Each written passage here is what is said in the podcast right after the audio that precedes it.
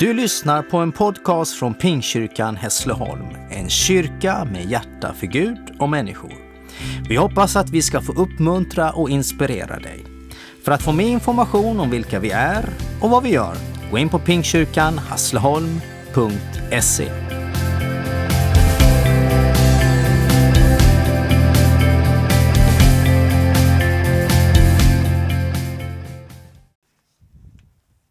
Varmt välkomna att lyssna på Pingkyrkan Hässleholm med mig, Lasse Bjärvås, pastor och föreståndare i församlingen. Vi möter varje vecka spännande och intressanta människor som delar sina erfarenheter och berättar om sitt liv i dessa program. Och idag har jag glädjen att hälsa Robin Gustafsson välkommen till programmet. Välkommen Robin, så gott att ha med dig. Eh, så håller så sakteliga sommaren på att gå över i höst, även om inte vi märker det just nu. Men kvällarna blir svalare, solen går ner lite tidigare, skolorna startar upp och semestrar tar för de allra flesta slut. Vardagen knackar på och veckorna börjar gå som vanligt. Det finns så mycket som är gott med det. Jag gillar den här tiden, övergången mellan sommar och höst. Jag gillar att kunna gå ut varje morgon och plocka en handfull hallon, smultron och blåbär att ha i frukostfilen. Jag gillar det vanliga och det vardagliga. Samtidigt vet vi att det inte är som vanligt längre.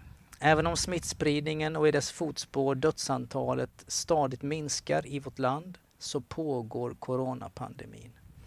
Och vi får fortfarande hålla i restriktionerna och ta hänsyn till varandra. Men det är drygt och saknaden efter att få samlas som kyrka till fysiska gudstjänster är stor. Pastorn i Uppsala Pingstkyrka, Dan Salomonsson, han sa så här, jag tycker att det är mitt i prick. Gudstjänster på nätet, det är som att se matlagningsprogram på TV. Du kan bli inspirerad och motiverad, men du blir inte mätt. Vi avser att inbjuda till fysiska gudstjänster snart igen. Självklart kommer vi följa de restriktioner som gäller i samhället. Och så fort vi kan så kommer vi med mer information om hur det kommer att bli med gudstjänsterna framöver. Men fram till dess, sätt på Radio Pingstkyrkan 98,9 MHz på söndagar klockan 11 eller gå in på Pingstkyrkans eh, Hässleholms Youtube-kanal och se gudstjänsten där. Eh, övrig information hittar du också på vår hemsida. Ta dig tid, gärna med familjen eller med din husgrupp. Stanna upp och vara med och fira gudstjänst på det här sättet. Vi söker vägar vidare. Idag har jag Robin Gustafsson med mig i studion. Robin är en välkänd profil i vår bygd med en massa olika engagemanger och kontakter. Det känns väldigt gott att få prata med dig Robin så här. Du är ju också ordförande i vår församling. Men det är väl kanske inte den enda ordförandeuppgift som du har. Kan du berätta lite om vilka sammanhang som du är med i? Ja, visst, eh, eh, först eh, ett tack för att jag fick komma med. En del i mina uppdrag är ju att synas, finnas med, lyssna in och så vidare. Och då är detta ett tillfälle att vara med i samhället. Jag är politiker och som det heter så har jag ett kommunalt förtroendeuppdrag och det har jag haft sedan snart 30 år tillbaka. Och jag är också ordförande och gruppledare i vår lokalavdelning för Kristdemokraterna. Båda uppdragen tycker jag är mycket intressanta men det kräver också mycket tid. Och att det krävs att man ska vara uppdaterad och man måste vara påläst men framförallt eh, lyssna till vad våra väljare, kommunmedborgare som det heter, vad vi kan göra för att möta deras önskemål och kunna skapa ett gott samhälle. Ja. Min främsta uppdrag är i kommunfullmäktige. Ja. Där sitter vi 61 ordinarie ledamöter plus ersättare. Vi är, eh, jag sitter med i kommunstyrelsen, där är vi 13 ledamöter plus ersättare. Jag sitter också ordförande i socialnämnden som är mitt främsta egentliga uppdrag som jag har fått förtroende att sitta med sedan 2006 i princip. Så att jag eh, har varit med ett bra tag inom sociala uppgifterna. Sen så är jag också ordförande i personalutskottet. Det är det utskottet som pratar om eh, arbetsmiljö, löner och så vidare för våra anställda som är knappt 5 000. I kommunen? 5 000? Ja, det är 4 500 ungefär. Det är en, eh, en bra skara. Ja, just det. Ja. Så att det är en rätt så stor avdelning som vi är där och en del frågor som vi måste ta upp där. Det kan jag tänka mig. Och sedan så utanför politiken så är jag engagerad i föreningslivet, mm. församlingen här och har bland annat uppdrag som ordförande i en bankstyrelse. Så att eh, det är en eh, lite bredd på uppgifterna. Det kan jag tänka mig. Mm. Hur, många, hur många olika uh, styrelser sitter du kan, kan du det sådär på, på rak hand? Ja, eh, olika styrelsekommittéer och eh, eh, styrgrupper och så vidare så är det väl ett, eh, mellan 13 och 15 stycken ja totalt sett. Och, och eh, ordförande kanske i 10-12 stycken av dem. Ja, just det. Alltså, då, då kommer den här frågan, hur hinner du med allt och, och varifrån hämtar du kraft och, och varifrån kommer ditt engagemang för detta? Mm. Ja, Lasse, ibland så funderar jag på det själv givetvis. Ja. Men eh, man gör inte allt själv. Eh, viktigt med samverkan och tillit till varandra. Det är viktiga. Och eh, då i det samarbetet så får man eh, hjälp i drivkraften att påverka det man tror på. Mm.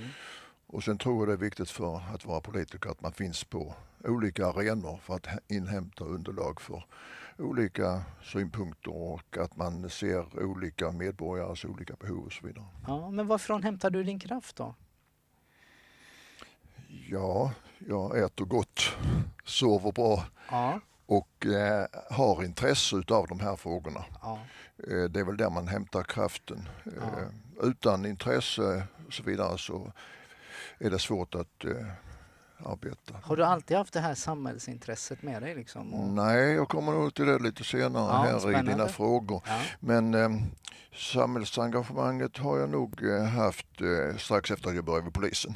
Ja, och då närmade man sig på ett naturligt sätt samhällsfrågorna och de olika problemställningar som finns i ett samhälle. Just det. Mm. Nu tillhör ju du den här generationen där ett löfte är ett löfte och ett eh, handslag är ett handslag. Hur ser du på framtiden när det gäller engagemang i olika föreningar och olika sammanhang? Och hur kan man involvera en ny och yngre generation? Ja, en komplicerad fråga, Lasse. Ja, den är ganska omfattande. Men visst är det så? så ett är handslag är ett handslag. Ja, ja. Har vi sagt något så har vi sagt något. Ja, ja. Det, så har jag lärt känna dig. Det, det, det är viktigt. Ja, det, är viktigt för mig. Och tilliten är väldigt också viktig, tycker jag. Eh, föreningsverksamheten, eh, men även det politiska arbetet är ju en stor sektor. Mm. Och jag brukar ofta säga det, den ideella sektorn är den största och viktigaste i samhället egentligen. Och eh, den ger ju också en social gemenskap. Och det hoppas jag kommer att finnas även framöver. Mm. Även om vi har väldigt mycket nu med Facebook och chatt och allt vad det nu ja, heter. Det det. Ja. Och det är inte min starka sida i och för sig kan jag säga. Men den sociala gemenskapen den behöver man även i framtiden. Och jag tror att samhällsengagemang kräver att man även kan medverka och ta ansvar i uppdrag eh, av olika slag som inte enbart gynnar en själv. Och eh, den frågan tycker jag är viktig att man tittar på för att jag ser ju en del som går in i ett föreningsliv, i en idrottsförening och man är med så länge som grabben eller tjejen är med. Och sen släpper man det tvärt. Mm. Och, och, och då, då, då, jobbar man väldigt mycket för att gynna sig själv i samhällsfrågor och föreningsverksamheten. Och, eh, det, det, håller inte hela vägen. Då. Nej, och jag tänker föryngringen är, måste ju en, alltså, vi ser ju ändå det att det kanske överväger lite åt medelålders äldres i, i många eh, engagemang i olika styrelser och sammanhang idag. Sen måste man kanske ställa om en del verksamheter efter samhällsomdaningen också så att man får de, eh, de eh, uppgifterna i styrelser lustfyllda och att man ser fram emot att träffas och att man också ser att man är en del av samhället och att man är beredd att ta, eh, ta ett gemensamt ansvar i samhällsfrågorna och att man lyfter fram det här. Men just det här att det blir, eh, man får eh, feedback också för det man gör, mm. särskilt de goda insatserna. Ja. Men eh, att man också är beredd att ta kritik, för kritiken är ju också någonting som lyfter för att föra fram om kritiken är eh, konstruktiv så är det viktigt att man får den. Ja. För att man ska också få bättre förslag till beslut än de själva står för. Så, man själv står så är det ju. Ja. Du, du är väl van att få både konstruktiv och kanske inte alltid så konstruktiv kritik? Eh, totalt sett, alltså det som inte är konstruktivt det, det, är ibland populistiskt och det måste jag lämna åt sidan. Kan du det? För att, ja, det måste man göra för ja. att det framförs synpunkter som inte är genomförbara ja. men som kanske säljer på ett bra sätt. Ja. Och, och, det är inte min stil utan jag vill jobba med det som är är genomförbart och finansierat och så vidare. Ja. Så vidare. De populistiska eh, idéerna som ofta lyfts fram, de måste man lämna åt sidan. Och så räknar jag med att en majoritet utav befolkningen som läser detta är nog kloka nog att bortse från det. Ja, ja. Men när det kommer liksom på dig som person, hur, hur, hur, hur tacklar du liksom den kritiken? För den är inte heller ovanlig. Att eh, inte synas då finns man inte. Nej. Att synas det kan man göra både med positiv och negativ kritik. Och mm. det är rollen i de här uppdragen och det måste man kunna bära och hantera. Mm, hur gör du då? Hur bär du det? Man funderar över vad har jag gjort för fel? Mm. Kan jag göra på ett annat sätt? Ja. Kan jag bemöta det här på något sätt? Kan jag hantera det? Och så vidare. Mm. Eh, det är ju funderingar som man gör i varje situation i avvägningar och så vidare. Och sen måste man ju arbeta utifrån det som man tror på och det som man tillsammans med andra har berett frågan och eh, tagit fram de olika argumenten och underlagen för. Och sen måste man föra fram detta. Just det. Mm. Men visst, ibland så, så åker man ju hem vid något tillfälle ja. och funderar vad håller jag på med. Ja, det, eh, det Men lite... eh, efter en kort stund så är man på banan igen. Ja, det är bra. Det är bra. Idag samtalar jag, Lasse Bjärvås, med Robin Gustafsson. Robin, för de som nu inte riktigt vet vem du är eller som kanske bara har den här officiella bilden av dig. Du kan väl berätta lite om din bakgrund, din uppväxt och din familj? Ja, Lasse, man kan ta den långa versionen men jag ska ta en mellanversion. Ja, det är bra. Det, det, låter, det låter fint. Ja. ja. En liten grabb som föddes på en lantgård uppe i Verum. Ja. Eh, ligger ju norr om Hässleholm, som ja. flesta vet kanske. När föddes du? Eh, föddes 42, mitt under brinnande kriget. Ja. Och eh, vad jag vet så var pappa ute i, i fält emellanåt i de sammanhangen. Och mamma var själv hemma och skötte lantgården. Ja. Påfrestande och en jobbig situation kan jag tänka jag mig. Tänka mig. Och när jag föddes då så hade hon ju redan fyra barn. Jag, jag blev femte. Och sen fick jag en lillebror 46 efter krigslutet. Just det. Just det. Mm. Ja. Men ehm, eh, fem trevliga syskon. Eh, bra med syskon för då lär man sig rätt mycket. Det kan jag tänka mig. Och ja. eh, min bror, storebror Ingmar, eh, har jag haft som ett föredöme och eh, han var ju alltid stor och stark när jag var en liten Pavel så att säga. Ja, just det. Ja. Så det, det, honom har fått lära mycket av. Hur mycket skiljer det er två emellan? Sju år. Sju år. Så han var ju riktigt stor när jag... Ja, jag mig. Men nu är du större? Ja, på ett sätt, men ja. han är störst. Det är så? Ja. ja. För mig så är han störst. Och sedan så eh, gick jag ut folkskola. Det var sju år på den tiden. Och sen så gick jag direkt ut i arbete efter folkskolan. Då var man inte fyllda 15 år. Nej. Började jobba på sågverk och lite sådant. Fick dispens att köra motorsåg efter en kurs som 15-åring. Ja. Eh, motorsågarna var väldigt nya vid den tiden. Eh, jobbade bland annat eh, på olika lantbruk. Eh, på Findus och Sofiero lantbruksgård eh, jobbade jag. Men sedan så, så eh, tänkte jag att jag måste utbilda mig vidare så då så gick jag på folkhögskola på Sundsgården. Det är en av EFS mm. folkhögskolor. Utanför Helsingborg? Ja, i ja, Rå, Rå Helsingborg. Ja. Rå, Rå, ja. Mm. På Rå säger ja. de ju. Ja. Under tiden där så mönstrade jag och eh, kom att göra mil militärtjänst på I6 som under det året jag låg inne blev en pansarregemente så jag började på, som infanterist och slutade som pansarsoldat. Ja. Men eh, hade min uppgift som främst eh, mc-ordonnans. Motorcykel, det var intressant redan när jag, innan jag fick körkort för motorcykel kan man säga. ja, ja, det förstår jag. Ja. Sen ehm, eh, efter militärtjänsten så sökte jag till polis och eh, började i Stockholm. som polis. Eh, där träffade jag min fru Anna och vi fick tre härliga Stockholmsungar. Alla tre är födda i Stockholm. Alla är 08 år. Ja, just det. Det är inte dåligt. Mm. Ja. Men jag tror inte de har mycket av dialekten kvar ifrån Stockholm. Möjligtvis min äldsta dotter. Kan hända, ja. ja. För hon sa till min mamma, till sin farmor, ja. Hemma i Setra, där har vi ett gräs som kallas för revsvans. ja. ja. Ja, det så det var, det var stockholmska. Du var ju då eh, ung, eh, ska man säga då, i slutet på 40-talet och, och 50-talet. Eh, hur var det liksom att växa upp på den tiden? Vad, vad är skillnaderna på det samhälle som var då och det som är nu, på, på gott och ont? Mm. Eh, jag hade ju förmånen att växa upp i en trygg kristen familj. Mm. Eh, och som jag sa innan med flera syskon. Vi hade kor, grisar, men även gäss, kalkoner höns. Och det innebar ju att man tidigt fick lära sig att hjälpa till och ta ansvar. Mm. Och jag kan säga då att ej fyllda sju år så fick jag själv ta häst och vagn och köra till en granne för att hjälpa honom att köra in ved. Och det är klart att eh, då var man pinne när man kom dit och sen så fick man, precis som pappa när jag var med honom, gå in och äta lunch. Och en jämnårig flicka som eh, bodde i den familjen, hon kunde inte skala potatisen själv vet jag när vi satt och åt middag. Men det kunde jag göra för ja. jag var ju riktig karl då som hade kommit upp med hästen och vagnen där och ja. hjälpte pappan där att köra in veden. Och eh, jag kan säga det som 12-åring eh, minns jag då att under sommarlovet så varje morgon och kväll så hjälpte jag pappa med att handmjölka två till tre kor. Och däremellan så var det höskörd och annat arbete. Så att eh, min tid som barn och så vidare, det var mycket att hjälpa till, ta ansvar mm. och eh, att så tidigt få vara med och ta del av arbetet med, med och motgångar. Det är jag bara tacksam för att jag fick eh, uppleva det som barn och eh, som ung. Och det har jag haft nytta av hela mitt liv, ja. framöver till vuxna livet kan man säga. Ja. ja. Så det var intressant.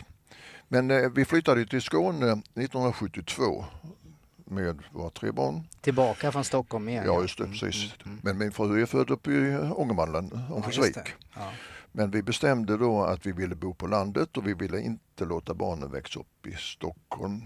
Som polis hade jag ju sett en hel del ja. problem med barnen som fanns nere på Hötorget sena kvällar och så vidare. Den, den, den situationen vill vi inte önska våra barn. Nej, och så blev det då Skåne. Och när vi har flyttat ner här så letade vi efter någonstans att eh, slå ner bopålarna. Och då blev det, var det en annons i Norra Skånes tidning eh, att man utannonserade en idyll utanför Vinslöv i Lommarp. Det måste vi åka och titta på. Och där så bor vi på den fastigheten fortfarande. Och när var 70? Det var 73. Och ni har bott här sedan dess? Ja. Fantastiskt. Ja. Du berättade att du utbildade dig till polis och, och, och bodde år i Stockholm. Eh, eh, hur var det? Mm. Att bo i Stockholm och, och, vad var det som gjorde att du ville bli polis? Jag ska ta först eh, lite grann därför att du frågade om det här eh, var skillnaden. Ja precis, vi hann inte med, jag gick lite snabbare. Ja, nej, men ja. Eh, det är okej för att om jag nu säger att det var en trevligt uppväxt och så vidare så var det givetvis inte allt som var en idyll på 50-talet. Ehm, många gånger så var det enkelt, fattigt, besvärligt men å andra sidan så uppskattade man en sockerdricka. Mm. Det var ju inte varje vecka man fick det. En apelsin eller en glasspinne ett par gånger på sommaren, kanske en glasspinne. Och då så uppskattar man detta så mycket mer, de här delarna så att säga. Så att eh, idag så är allting självklart på gott och ont kan man säga. Men vi uppskattar inte alltid alla de förmåner och den eh, goodwill vi har idag och eh, den här saken och så vidare. Nej, men det var som du frågade om. Det. Jag utbildade mig till polis och arbetade en tid i Stockholm. Eh, och jag bestämde mig redan när jag var 11 år. Jag kommer ihåg tid och plats när jag sa till pappa okay.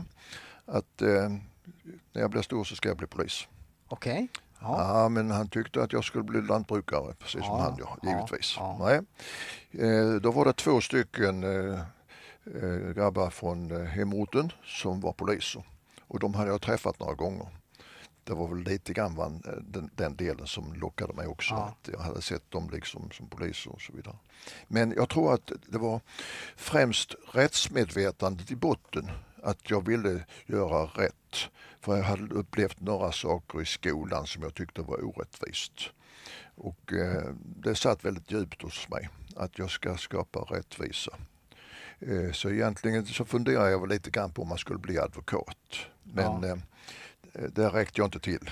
Nej. Så jag fick eh, inrikta mig på polisarbetet. Ja. Och jag vet du jobbade på gatorna i Stockholm ett slag va? Jag jobbade där i ja. nio år ja. Och patrullerade en del? Ja, ja. gjorde jag. Rätt mycket. Och eh, det var en intressant tid. Eh, jag tycker att det är synd att inte poliserna idag får fotpatrullera och gärna ensamarbete för då är det att man ser problemet, man ska lösa problemet med de verktyg man har så att säga. Ja. Inte hade vi någon mobiltelefon på den tiden. Det Nej. fanns en gatlampa på vissa ställen i stan som man fick gå och trycka på om man skulle ha hjälp. Eller också så hade man två tioöringar i fickan som man fick lägga på automaten och ja, ringa om hjälp om det skulle ja. behövas. I övrigt så var det att lösa problemet. Men å andra sidan så skulle man inte sätta situationer som man inte heller hade verktyg och, och kunde klara av. Nej. Men det, det, kan jag ta vid något annat tillfälle för det är många eh, intressanta eh, situationer som jag har varit med om. Och var, du varit kvar inom polisen eh, väldigt länge? Ja, 40 år, 44 år. 44 år ja. Mm. Men det är inte på gatorna hela tiden förstås? Nej, Nej, det blev eh, lite olika arbetsuppgifter så småningom inom trafikpolisen och eh, de sista 15 åren så hade jag olika chefsuppdrag. Och det måste ju, då kan man ju tänka sig att du har ändå trivts i den eh, verksamheten så att säga? Jag skulle valt polis igen. Det skulle hade, du gjort? Ja, om jag inte kunde bli advokat alltså. Jaha, ja, ja det är fantastiskt. Ja. ja. Robin Gustafsson, vi har ju talat lite här, du har berättat, du är KD-politiker, ordförande för socialnämnden, för detta kommunalråd. Eh, och för många Hässleholmare är du ju känd för detta. Hur kom det sig att du började engagera dig politiskt? Vi var inne på det där, nu, nu ska vi få svar på den här frågan. Eh, och vad är tjusningen i det politiska eh, arbetet? Mm. Eh, jag, jag, tror att jag eh, blev särskilt intresserad av eh, samhällsfrågor strax efter att jag hade börjat som polis. För att i de sammanhangen så såg jag ju samhället ur en annan situation. Mm. Eh, rätt många bilder utav barn som riskerade fara illa, till exempel när man var hemma i olika hemmiljöer. Ungdomarna som inte mådde bra som fanns på den tiden nere på olika samlingsplatser och små gängbildningar bland ungdomar och så vidare. Så det var i de sammanhangen som jag tror jag började intressera mig för, för, för det. Eh, men sen var det också att jag började lyssna på de stora giganterna inom politiken. Som då var? Erlen Erlander, ja. Gunnar Sträng ja. med hängslena. Ja, ja, ja. ja, ja. Kommer jag ihåg med. Och eh, Hedlund med sin humor. Eh, det skulle vi haft lite mer idag. Eh, tillbaka till det. Oldin, mm. professor, mm. väldigt kunnig, saklig. Eh, Gösta Boman fastnade jag rätt så mycket för. Eh, och sedermera Fälldin eh, som kom precis ifrån eh, landet, precis som jag själv gjorde. Jag kunde lite grann identifiera mig med, ja, med honom. Ja. Eh, givetvis Palme var ju en stor profil på den tiden också. Absolut. Men eh, jag fastnade ändå för Alf Svensson och hans budskap och innehållet i Kristdemokraternas politik. Just det. KDS som det hette då? Ja. Kristdemokratisk Just, samling hette det på den tiden. Ja. Precis så. Ja, ja, Så det var där. Men eh, inte direkt utan det var ju först på 90-talet som jag började och eh, engagera mig och det var min bror Ingemar som jag sa innan som ledde mig in på att jag behövde ta ett uppdrag i kommunpolitiken. Och sen dess har du hållit på? Sen dess har jag hållit på så det är snart 30 år.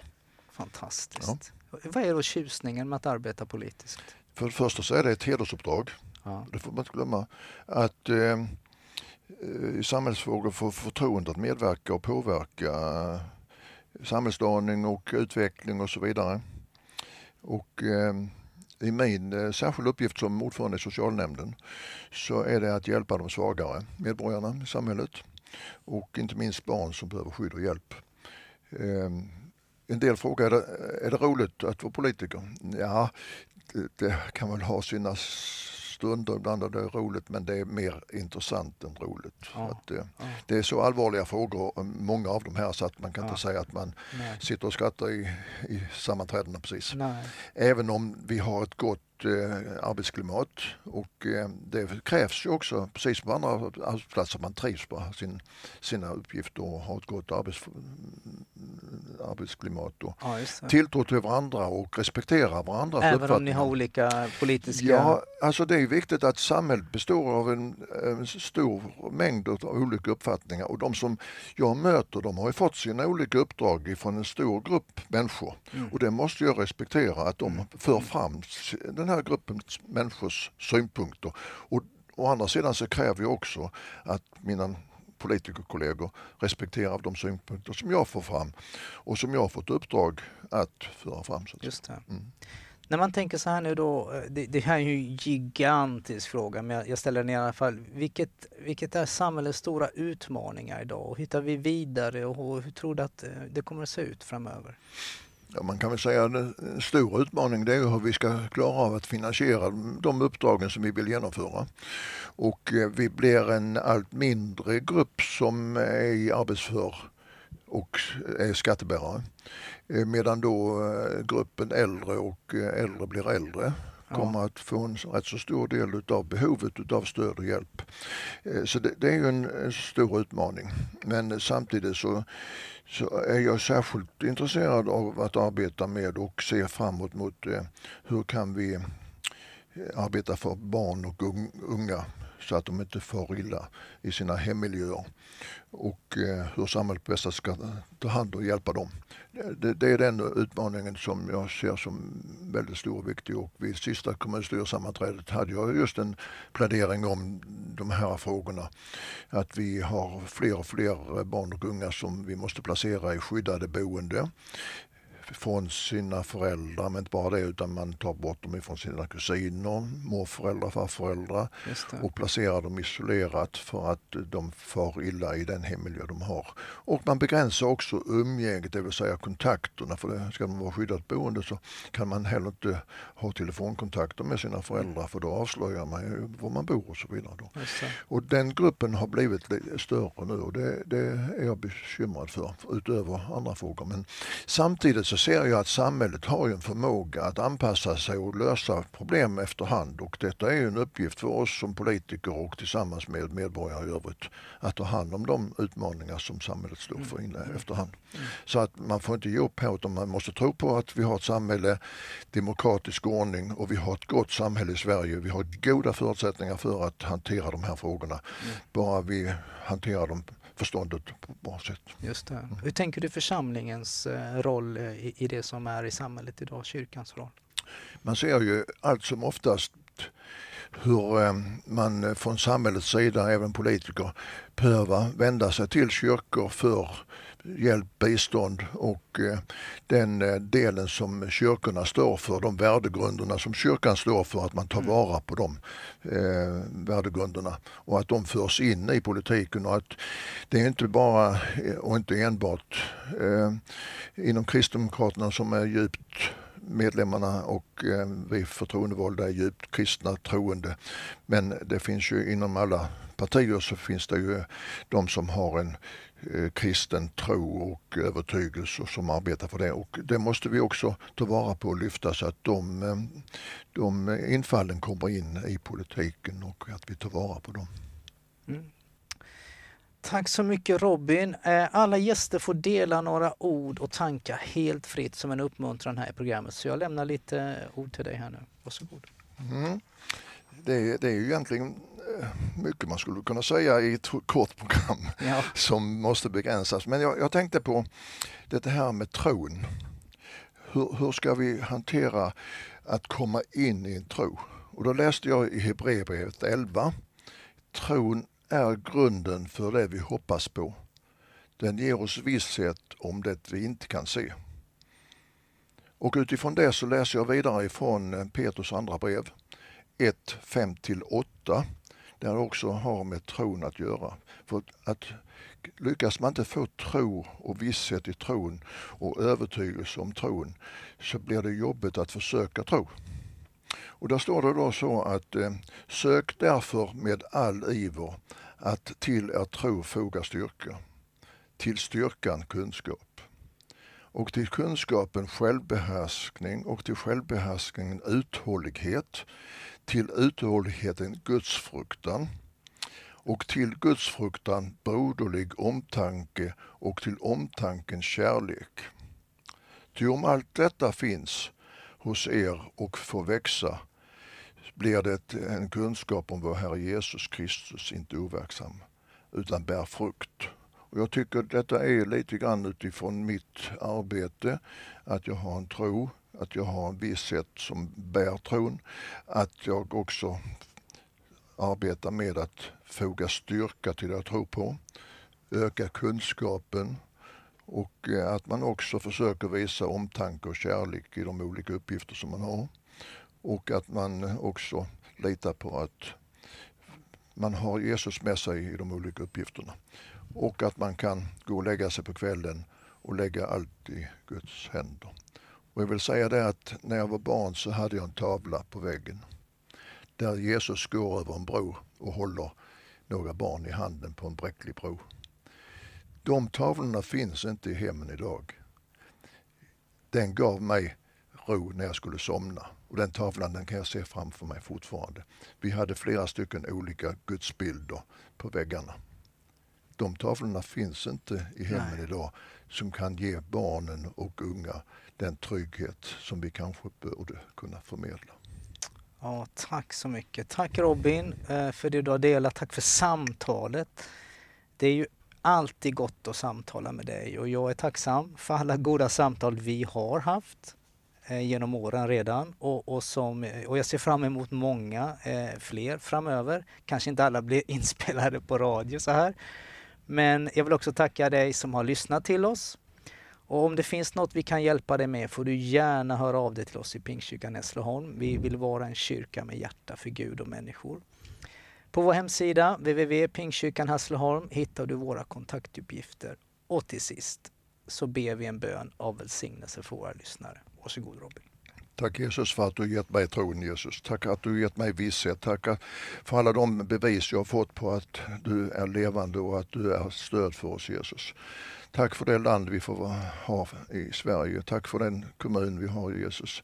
Men framförallt tack för den församling som vi får ha här i Hässleholm tillsammans med andra kristna församlingar Jesus och den verksamhet som vi får bedriva här i vår församling med second hand-verksamhet till hjälp och stöd för olika behövande och den eh, undervisning vi kan ge i förskolan Harpan. Ett litet eh, budskap på vägen för de barn och unga Jesus. Tack att vi får ha dig som Herre, vår Fader Jesus, och att vi får komma till dig med våra böner och att vi också får se de svaren på våra böner som du ger oss. Inte så som vi har själv tänkt oss, utan att du har löst frågorna på många andra olika sätt som har gett oss möjlighet att komma vidare Jesus. Tack Jesus för denna stunden Jesus och att du ska vara med oss i fortsatt denna dag och i framtiden Jesus. Herre, vi tackar dig för den här stunden. Tack för livet, tack för gåvan som du har gett oss att få tro, tjäna och älska dig, Herre. I Jesu namn. Amen.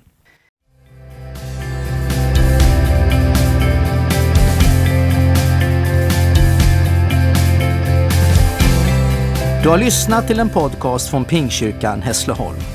Om du vill veta mer om vår kyrka och verksamhet, gå in på pingstkyrkanhässleholm.se. Varmt välkommen till oss!